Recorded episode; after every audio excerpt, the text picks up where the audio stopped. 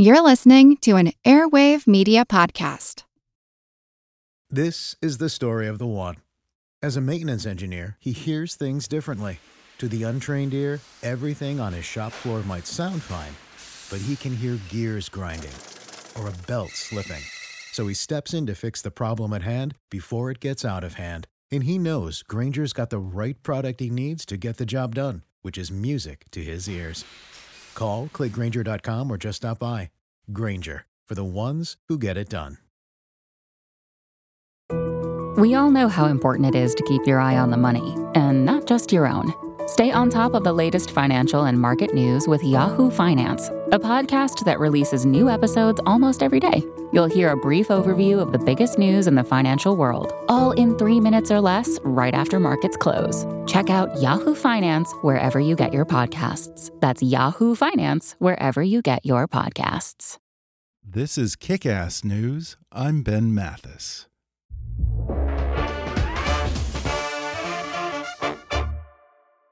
Hi, I'm Ben Mathis. Welcome to Kick Ass News. On May 19th, more than 19 million people tuned in for the final episode of HBO's epic series Game of Thrones.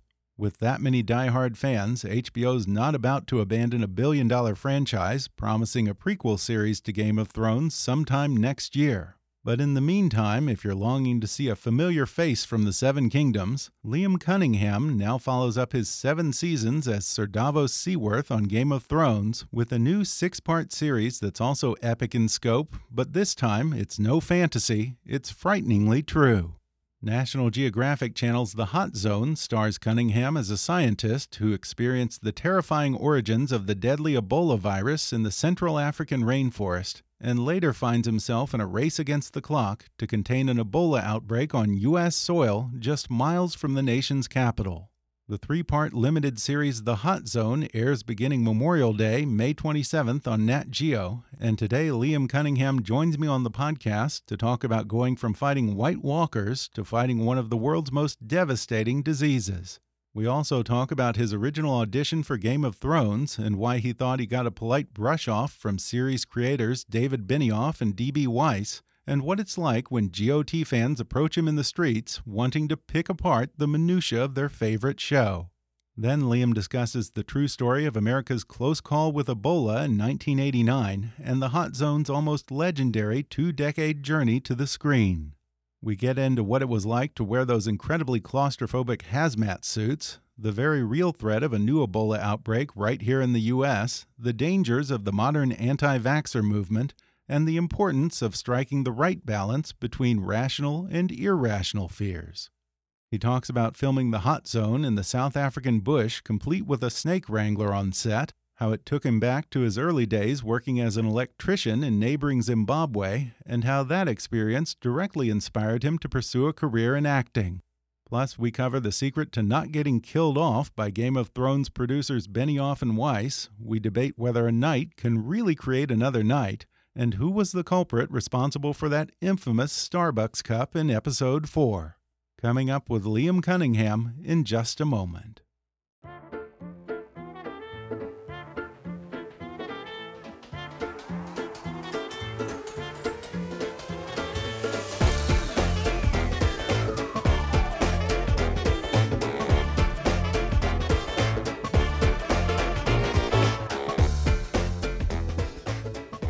Seven years, Liam Cunningham has been the unmistakably gruff voice of reason on HBO's hit series Game of Thrones in his role as Sir Davos Seaworth. Now, just as Game of Thrones winds down to an end, he goes from fighting White Walkers to fighting Ebola in National Geographic Channel's gripping new miniseries, The Hot Zone, which premieres Memorial Day, May 27th at 9, 8 Central. Liam Cunningham, welcome. Thank you very much for having me, sir. Well, I have to ask what everyone probably wants to know immediately right off the bat. Were you responsible for the Starbucks cup? we're cutting to the chase here quite quickly. Yeah. Unfortunately, not. No. No, no, no, no. Do you I've know who was? No, it, and I, but I've already got myself in trouble with with the delightful Miss Emilia, Emilia Clarke uh, because she's the person in the shot with the coffee cup, and I made the mistake of saying, "Well, it's probably Emilia's probably drinking too much coffee. She doesn't even drink coffee. Oh, She's, a, she's a herbal tea kind of a person. so she's she's been abusing me from uh, from her wherever she is in New York or somewhere. So I can only have to apologise to Miss Clarke. it was a bum steer I gave her. Uh, do you think she could have been set up? Do you think she was framed? I don't know. I don't know. I think it's one of those things. That was a huge, huge scene that we were on for days. And it's in one shot. And you have to remember the amount of angles that we have to get on each shot. I mean, the, the, the workload on something like that is enormous. And it's very possible that this cup was left with the, with people thinking the camera wasn't going to be going over in that direction. so it was literally there for two seconds. Innocent but mistake. I think I hear HBO have held up their hands and went, "We missed that one." I think. Yeah, yeah. yeah. They, yeah they, to their credit, they took responsibility. All the hard work we put into this show, and, and it's, it's coming down to a to a paper cup. Now, uh, that di- honestly didn't bother me that much, but I have to say, I do have one bone to pick with you, Liam, or Mm-hmm. at least with Game of Thrones, although you're sort of complicit in this as well, because I think it was episode two this season. You take part in the knighthood of Brienne of Tarth. Yes. Because Game of Thrones has established in this episode that any knight can create another knight. Yes. Now, I sat down with Sir Kenneth Branagh mm-hmm. just yesterday, and I asked him if he would knight me. He had absolutely no idea what the hell I was talking about. Turns out that's not true at all. Well, the British sovereign is the only one who can bestow a knighthood. I think the so other- I feel other like a damn fool now. No, you shouldn't. But but you're confusing reality with fantasy. In in No, our show, not which- for the first time either. and they're made to be honest as well. Um, I, I think what you have is we have a world that we create. Uh, uh, and we don't have there's not dragons in the real world either or shadow babies and stuff like that uh, and it's and the show is very loosely based on the war of the roses and and stuff so uh, some of our rules do not correspond with the, with the, the rules of ancient english fiefdoms whatever Do you get a lot of people who are hardcore fans who come up to you and want to nitpick every plot point and every little detail like that? It's kind of it's kind of cute intense. because if they if we've invoked that level of geekness and Mm-hmm. uh, and nerdery in people, then we're doing something right. That they fit that is complicated enough. It's not condescending or patronizing, and uh, to have that level of interest is is really cool. And you have to you have to remember that the people working on this show have to have a similar level uh, of of love of detail to to uh, you know David and Dan has been taking over their lives the entire thing for the last ten years. It's not something they pop in and pop out of. Um, the commitment involved for those particular guys and our crews and everybody else. Um, it's safe to say that the biggest fans of Game of Thrones are the people who make it. Yeah. What has it been like since you've gotten all this fame from Game of Thrones? Do Hmm. you have a lot of people coming up to you and addressing you as Sir Davos? And I've had yes, people have nailed have before me. People have done it. Yeah, Yeah. it's it can be a bit. It can be very.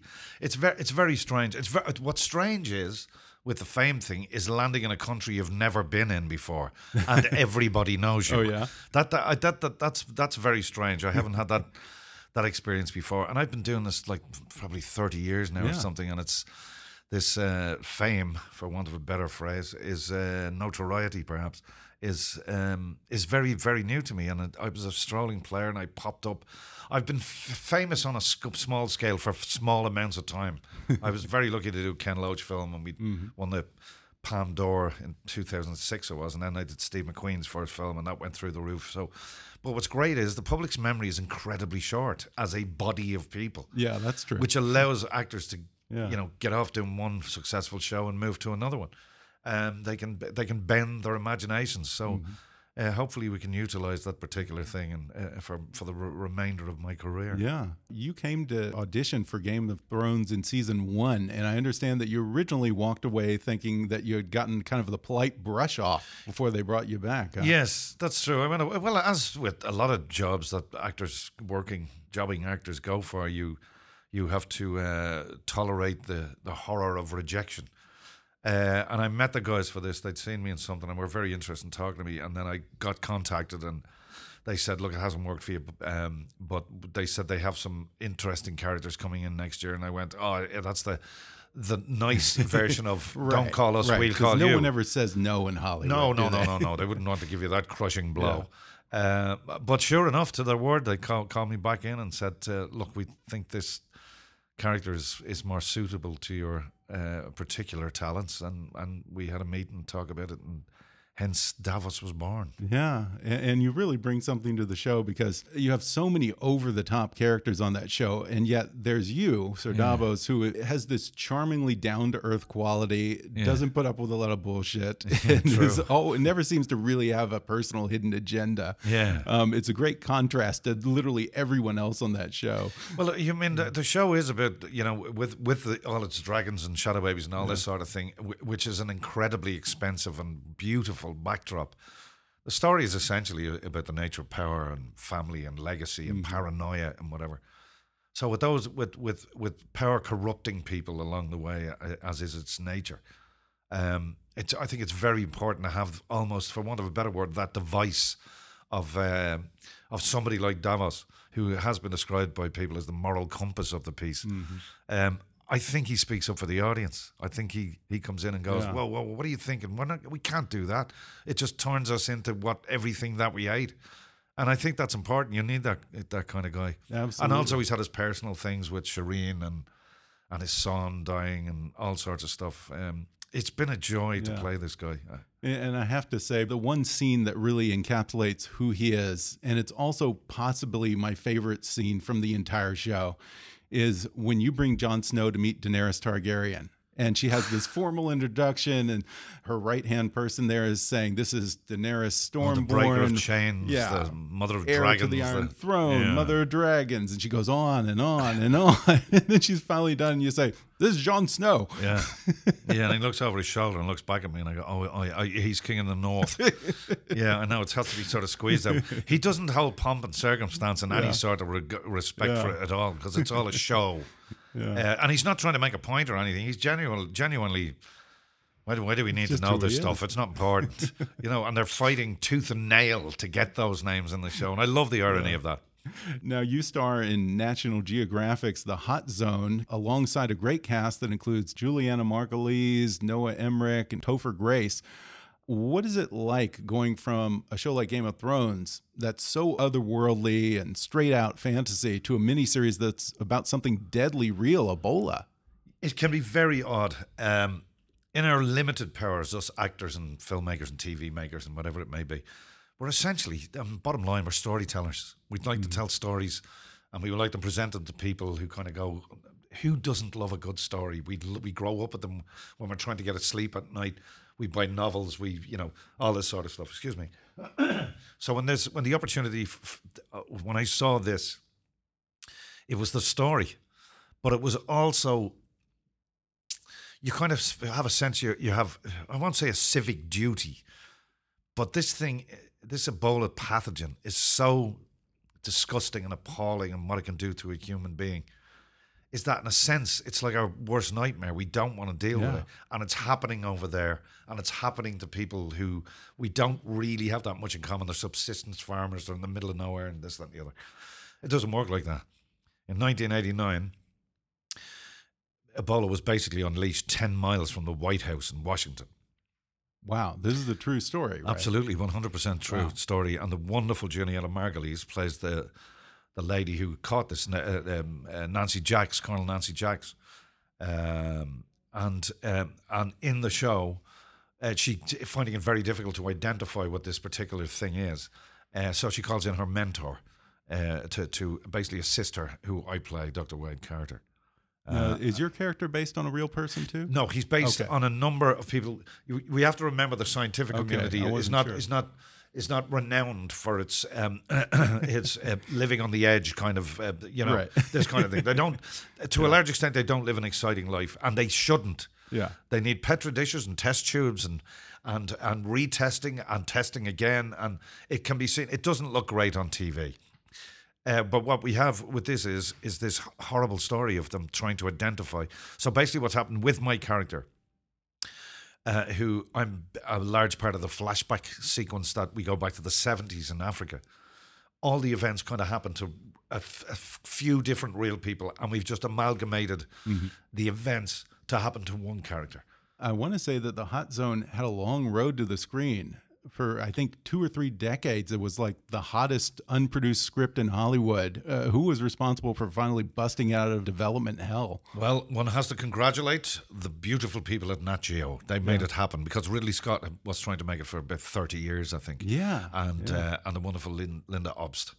Um, and I mean, when you think about it, it's very easy to go, yeah, of course, a story like this, the home of scientific uh, and the and the wonder of the natural world is National Geographic and Nat Geo. Mm-hmm. Yeah, perfect. So, fit. so is there a better home for this story? I don't think so. Yeah, yeah, and I think that Nat Geo also produced a documentary to run alongside this about Ebola. huh? Yeah, that's right. There's a two, I cool. think it's a two-hour documentary or something, is it? What going viral, which will which will accompany it, which is more, I believe, more scientific based on on the rollout of how, how of this thing uh, actually happened. But our our job as storytellers is to take, hopefully, take this from page 10 of the newspaper and try and move it up hmm. because we have the facilities. Or even vaccines have been developed now. The scary thing is even though this is set in 1989 the second largest ever outbreak of ebola is happening today in- Really? in, Sa- yeah. And if and if that In gets out gets to a yes. Wow. in the congo i think. Say again uh, yes, it was actually because I saw that, but it needs to be caught up. We do have facilities to take care of this. We've got vaccines. We've got we've got the manpower. We sort of know how to deal with it, but but but we need government assistance. We need sort of the public going get rid of this. Yeah. we need to, we need to force our people in authority to um, to get get behind Yeah, this. interesting because I feel like in the media it's been portrayed more recently like Ebola is not the kind of threat that it was way back when, and that we now have it under control. Do you no, think that that's, not not that's necessarily the absolutely case? Hmm. not true. In fact, some of the specifically the Médecins Sans Frontières, the, the, the doctors without without borders, they're getting attacked. Uh, By people who are who haven't been given the education not to do that, they they're they're seeing the people, the clinics, uh, and they've destroyed a number of clinics. And we really need to um, to educate people and also uh, get equipment funding and, and you know all the other things that will make this thing go away because it disappears into the jungle and it comes out again. It's a genuine enemy, invisible enemy to human beings. Good God, Very scary. It's scary stuff. Yeah.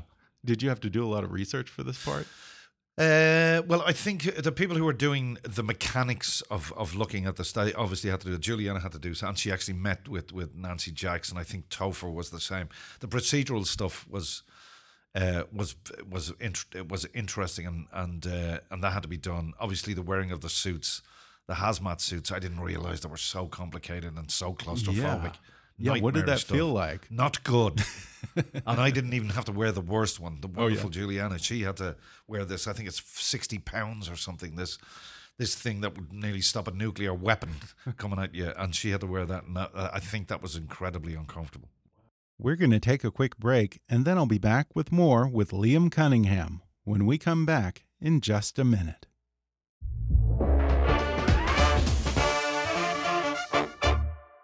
According to the White House budget, the U.S. government plans to spend at least $15 billion on cybersecurity in 2019. It's safe to say that high profile hacks and breaches have made cybersecurity a national concern.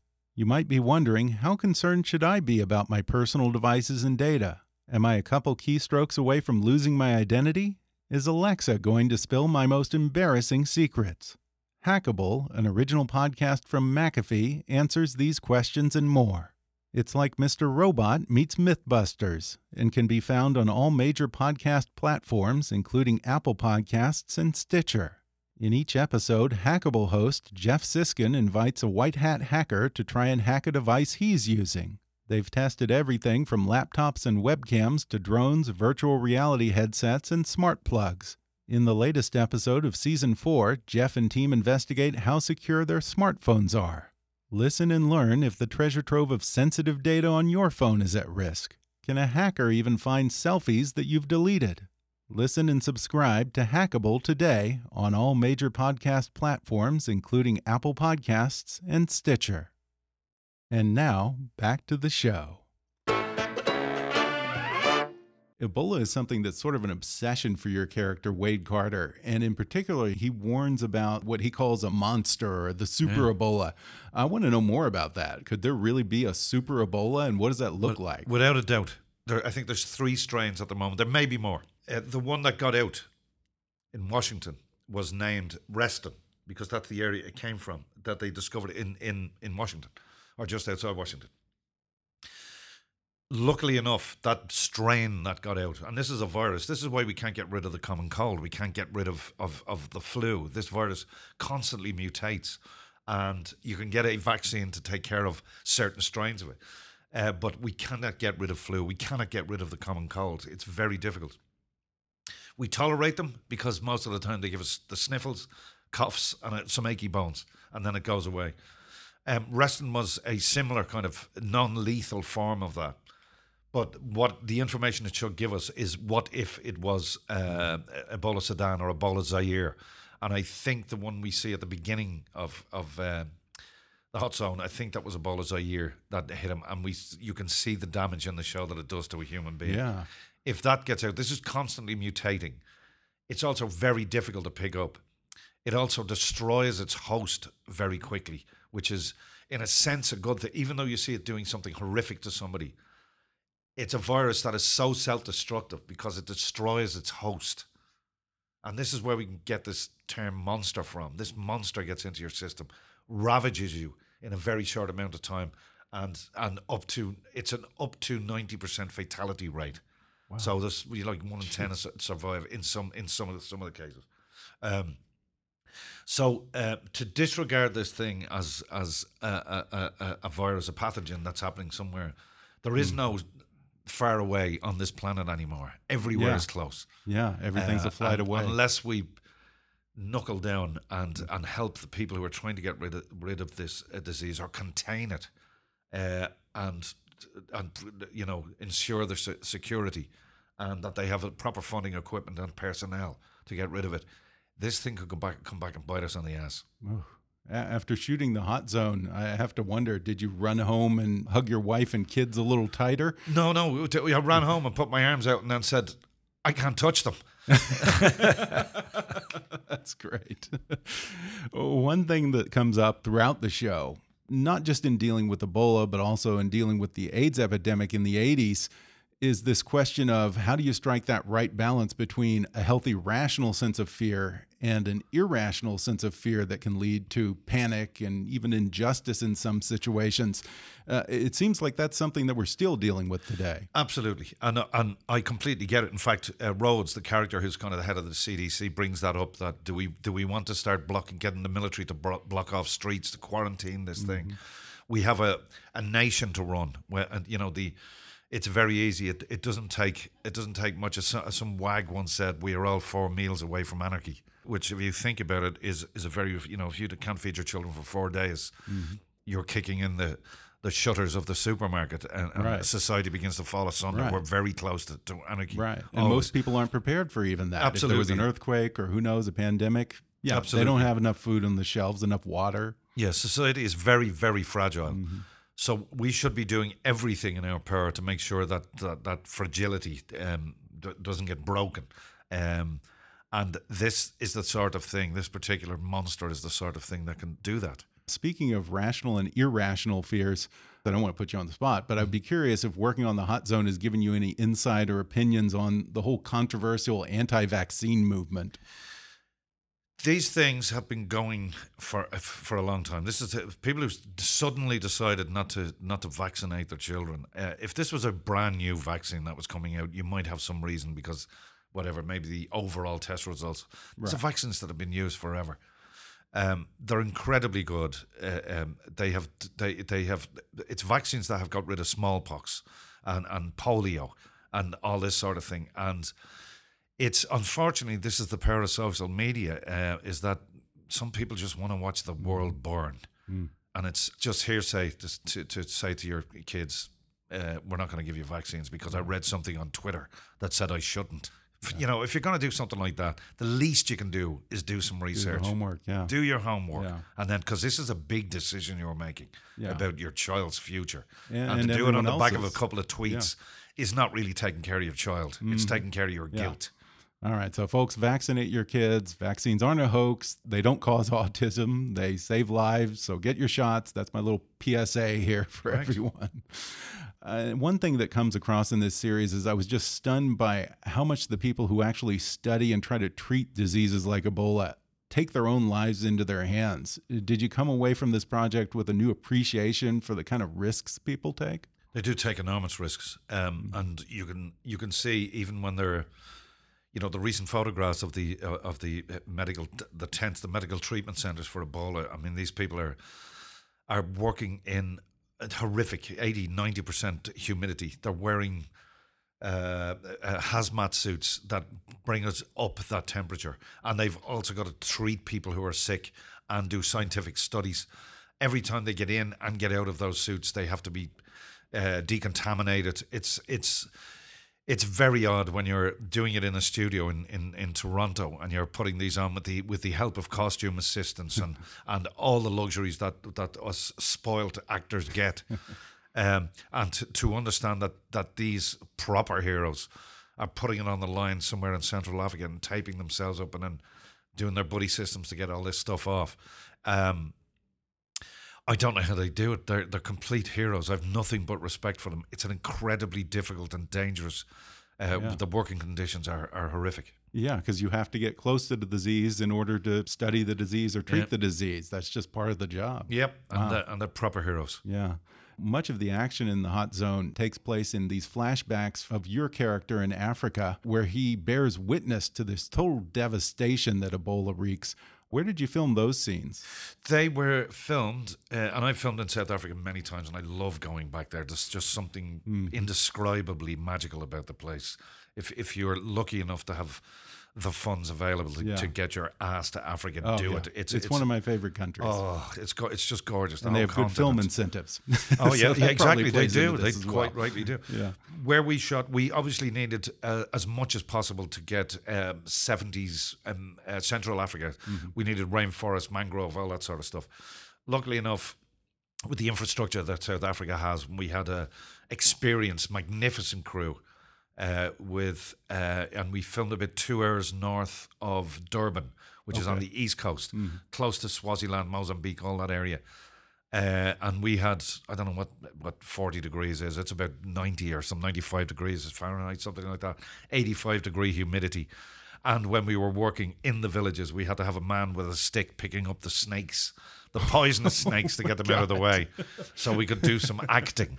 So you were um, risking your life too. It, well, I wouldn't say bit. that much, but it was a, it, it did add a, a certain tension to the scenes. And I have a snake guy on set. Yeah, we did have a snake guy on set every day. Wow. Now, didn't you also spend some time in Africa earlier in your life in Zimbabwe, I think? I lived there for three and a half years in my previous incarnation, as I like to regale people with when I used to be a real person before I was an actor. yeah, I did rural electrification, a lot of high voltage stuff, and uh, for remote villages. I worked in the bush for three and a half years. Wow. You like our- putting yourself in dangerous situations. Uh, I yeah, I ne- did nearly get myself in trouble a lot of times. Yeah, uh, Yeah. but um, it was very weird because I was sitting with James D'Arcy, who plays Rhodes, my kind of you know nemesis or whatever in the show. Uh, and he, uh, I, I was driving my Land Rover, my four wheel drive on these dusty African trails in the middle of the bush. And I remember looking at, and I just had the biggest smile on my face. And I said, James, 30, 30 odd years ago, 35 years ago, I was doing this as a as an electrician, as a rural, you know, uh, engineer, rural electrical engineer, doing this. And I said, here I am, 35 years later, as an actor, pretending I'm back at that period, driving a four wheel yeah. drive. The irony was not lost on me. Yeah. So I'd lived the research really of the guy, Yeah. and, yeah, but it unknowingly. Yeah. What part of Zimbabwe were you in? I've, I've been there, but I haven't been too much around that country. Uh, oh, you for a while, possibly- it wasn't oh, no, very it's- it- hospitable. Yes, uh, tell me about it. Yeah. Yeah. I came in there four years after independence. Oh, It was- really? yeah. it What was the- that like, being a white Brit af- just after they threw out the British? Yeah, yeah. Well, well. I'm, first of all, I'm not British. I'm Irish. oh, okay, Uh, okay. yeah, yeah, but, uh, so, uh, um, I always get mixed up with the distinctions between Britain, UK, and Yeah, I tell no, all listen, it's that. confusing for everybody, Yeah, and it is the British Isles as they call it. But, Yeah. but Ireland is very much a an independent and uh, a, a republic. Yeah. Um, But the people in Zimbabwe probably Pe- didn't make that No, distinction. no, no, did no. It wasn't. I- but listen, I was in a very, uh, uh, you know, fortunate position. I was driving a Land Rover with the electricity company logos on the side. Mm. Okay. So I was there to make their problems go away, or in fact, make their lives a little easier. So I was always kind of welcome. I never experienced any anything of that. Really? I did the other way around with the white on black. I, I saw Really? naked racism when I was there. Yeah, even Oh, when wow. they were Tell going. me about and that. Well, uh, when I got there, you have to remember, at Independence there was a quarter of a million whites. The Yeah. reason they came over looking for young men, which I was at the time, I was 22 when I went over. Uh, they had to come over because uh, you know the whites kept all the lucrative jobs for themselves. Mm-hmm. But when um, a socialist, scientific socialist government got in in 1980, by the time we got there in 84, 80% of the white people have left. Right. They refused uh, to be governed by a um, uh, an indigenous black government. Uh, so they lost a, a huge amount of experienced and technical uh, people uh, who, who disappeared from the country and went off to South Africa or Australia or England or whatever. Uh, so we were brought in to shore up and, and train um, the apprentices and, and the younger younger set, and that's what I did for three and a half years. Wow. And I think I once heard you say that Africa is the reason you became an actor, huh? How Yeah. so? Well, because when I went, I got leave from my job to go to Africa, Mm-hmm. uh, just uh, you know, and then after three and a half years.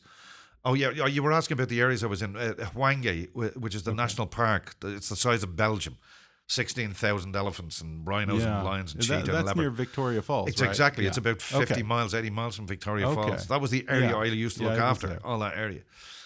Um. So when I came back to Dublin and I was put back in my little van driving around Dublin, it just didn't have the same glamour anymore. Yeah. After after this extraordinary time I'd I'd had in, in Zimbabwe, so I uh, I was looking for a distraction, a hobby, and I'd love drama, love TV, love movies, and I went, oh, let's look at acting. I don't know where it came from, to be honest. Uh, and I joined an acting school, and within about three or four weeks, I just completely unexpectedly fell in love with it, and I just couldn't get enough of it. And I and I started late. I'm only sort of turned professional when I was 29 years old. So Yeah. and here I am, yeah. Yeah. Yeah. Like, a very lucky boy. yeah. I mean, it, was there part of you that wondered if you had kind of missed your window to become an actor? You know, a lot Oh, of no, times that's a naivety. young man's business. At No, least that's how it's naivety is a wonderful thing. Mhm. Uh, a, a lot of a lot of wonderful things in this world have be, been achieved because of ignorance and naivety, and long may it last. If we all saw the mountain one had to climb, we wouldn't even put on our boots. Yeah. Um, sometimes you got to blindfold yourself and just run up the mountain and see how far you get up it. Uh, I didn't think of it like that. I love the process, the problem solving uh, of of trying to get words, ink from a page, believable and suspending an audience's disbelief and and bringing them on a journey with you. And there's something very, in a sense, spiritual about that, or, or very very close to our souls, shall we say? And I just love that thing. So I um, I I love pursuing that, and I, I never thought about the remuneration or anything like that. And I uh, I just thought if I if I do my job properly and and uh, and and do it the best I can, then then the right people will notice that what I'm trying to do, and maybe I'll get a chance to work with them. Um, but if you ask me now, would I go back and do the same thing? You do need to be lucky as well. You finally reached this point in your career where you're in this very enviable place where you can have your pick of roles and you can afford to be choosy. What do you look for in the projects that you're doing these days? I keep it simple all the time. A good story. yeah. with characters, with stuff I can. I, I always look at a script as if I'm seeing it on the screen, and uh, and then I think, okay, if I'm sat, if I make what I'm reading here, can I sit down in front of people like your good self? And, and look them in the eye and kind of go, I'm, I'm kind of proud of this. We did a good job. We're, we're trying to tell the story properly. We think it's entertaining. I need to be telling the truth when I say those things. And that's kind of my, uh, that's that's kind of my my my my, my little rule book. And then after that, can I do something with this role? Can I bring something to it that perhaps the director's producer, maybe even the writer hasn't seen, or be an addition and uh, a positive for the production? Uh, and then, you know, after all that sort of stuff, then you get down the business route. Yeah. You do such a great job in the hot zone. It's such a compelling story, and it's amazing to know that it's true and it's very relevant even today. What do you want people to take away from that? Well, the first and foremost that they should recognise how how dangerous this this to, to use the phrase as you said earlier on this monster is. We cannot be complacent. Um, I th- I think there may be a lot of frustration. Budgets have been cut uh, over here quite severely mm-hmm. uh, on the uh, the people that are in charge of dealing with stuff like uh, like these emerging diseases. That's all sort of fine. It's a bit like saying the most cost effective art is no art. it's kind of true, yeah. but at the same time, it's incredibly important to who we are as as sentient human beings uh, mm. and as as beings with feelings on that front, we need to make sure that the tax dollars that we pay is aimed in the right direction. And I think one of those directions is keeping diseases away from infecting your children. I think that's a good way yeah. for our tax dollars to be spent. Uh, and this is incredibly important in this particular case because this, this thing gets out, uh, especially the, the, the most virulent form of, of this pathogens. Um, we're all in trouble because it's it's it's this is like the genie getting out of the bottle. Mm-hmm. It's not going to be able. You're not going to be able to put it back in. Yeah. At the moment, we have it in a small area. It needs to be dealt with. We can't we can't second guess what the public should do, but they should definitely make their public representatives know that they're worried for the sake of their children. And listen, America has been very good with this sort of thing in the past. Uh, but but this needs the world, the globe mm-hmm. needs to mm-hmm. throw throw its right. uh, its its uh, facilities at this particular problem. Right, right. You're really not solving anything if it's just a, problem that you address at the borders. Yep. Uh, yeah. By then, it's too late. Yeah, absolutely. Now, speaking of having your pick of projects, uh, I understand that the Game of Thrones showrunners David Benioff and D.B. Weiss are now writing and producing the next Star Wars trilogy. And somewhere along the way, I heard that you might be working with them again. Is there a role in there for you? Uh, in my mind, there yeah. is. I love, listen, everybody that grew up and was lucky yeah. to be exposed to Star Wars. It, it's it's it's not it wasn't just an entertainment it was part of their childhood mm-hmm. uh, yeah which certainly is a, for me yeah it's a, which is a great great thing um, however in this particular case uh, uh, people were uh, put two and two together and came up with 25 million uh, George Lucas and his wife his delightful wife came to the came to set when we were I think we were shooting oh, yeah? the Battle of Winterfell at the time oh wow and a little time later it was announced that David and Dan were getting involved in the whole the, the world of uh, Star Wars. And because I'd said it and I'd met them and they were on set, people went, "Hold on a minute, hold on a minute. There's a connection here." Uh, and I was um, duly accused, and people were already casting me in yeah. something that David and Dan haven't even put pen to paper with yet. so um, it's it's uh, I haven't been approached about anything. Mm-hmm. I don't know anything. It uh, uh it's it's uh, I know nothing about it yeah. at all, and as, do most of probably right, right. David no and Dan. They're still dealing with the end of Game of Thrones, yeah. aren't they? Okay, well, fingers crossed. You do oh, have I a certain Obi Wan Kenobi, Sir Alec Guinness quality to you. So. well, if they if they want a middle aged uh, um, Obi Wan Kenobi, absolutely talk to my agent. I'll be on the starting blocks waiting for that one. Well, before we go, you've had such an impressive longevity on Game of Thrones. What's the secret to not getting killed off? Don't make eye contact with the producers. And hopefully well they're, they're, writing for so many characters that they might just forget about you and then you show up in the next episode. Well the hot zone premieres this memorial day may 27th at 9 8 central kicking off a three night event on national geographic channel. Don't miss it. Liam cunningham thanks for talking with me. Thank you very much sir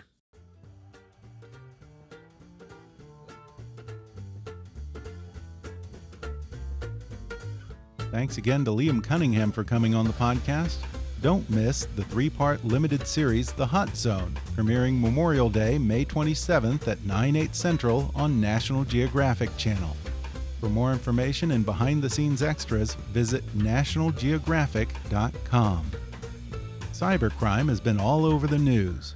Hackable, an original podcast from McAfee, answers the question How worried should I really be? In the latest episode, host Geoff Siskind bravely puts his smartphone to the test against a hacker. Check out Hackable and learn if your personal devices and data are at risk. Listen and subscribe to Hackable on Apple Podcasts, Stitcher, or wherever you get your podcasts. Be sure to subscribe to Kickass News on Apple Podcasts if you haven't already. And if you like what you're hearing, then rate and review us while you're there. Five star reviews are the easiest way for new listeners to find us. Don't forget to like us on Facebook and follow us on Twitter at, at KickassNewsPod. And feel free to email me with your thoughts, questions, and suggestions at comments at kickassnews.com. Until next time, I'm Ben Mathis, and thanks for listening to Kickass News.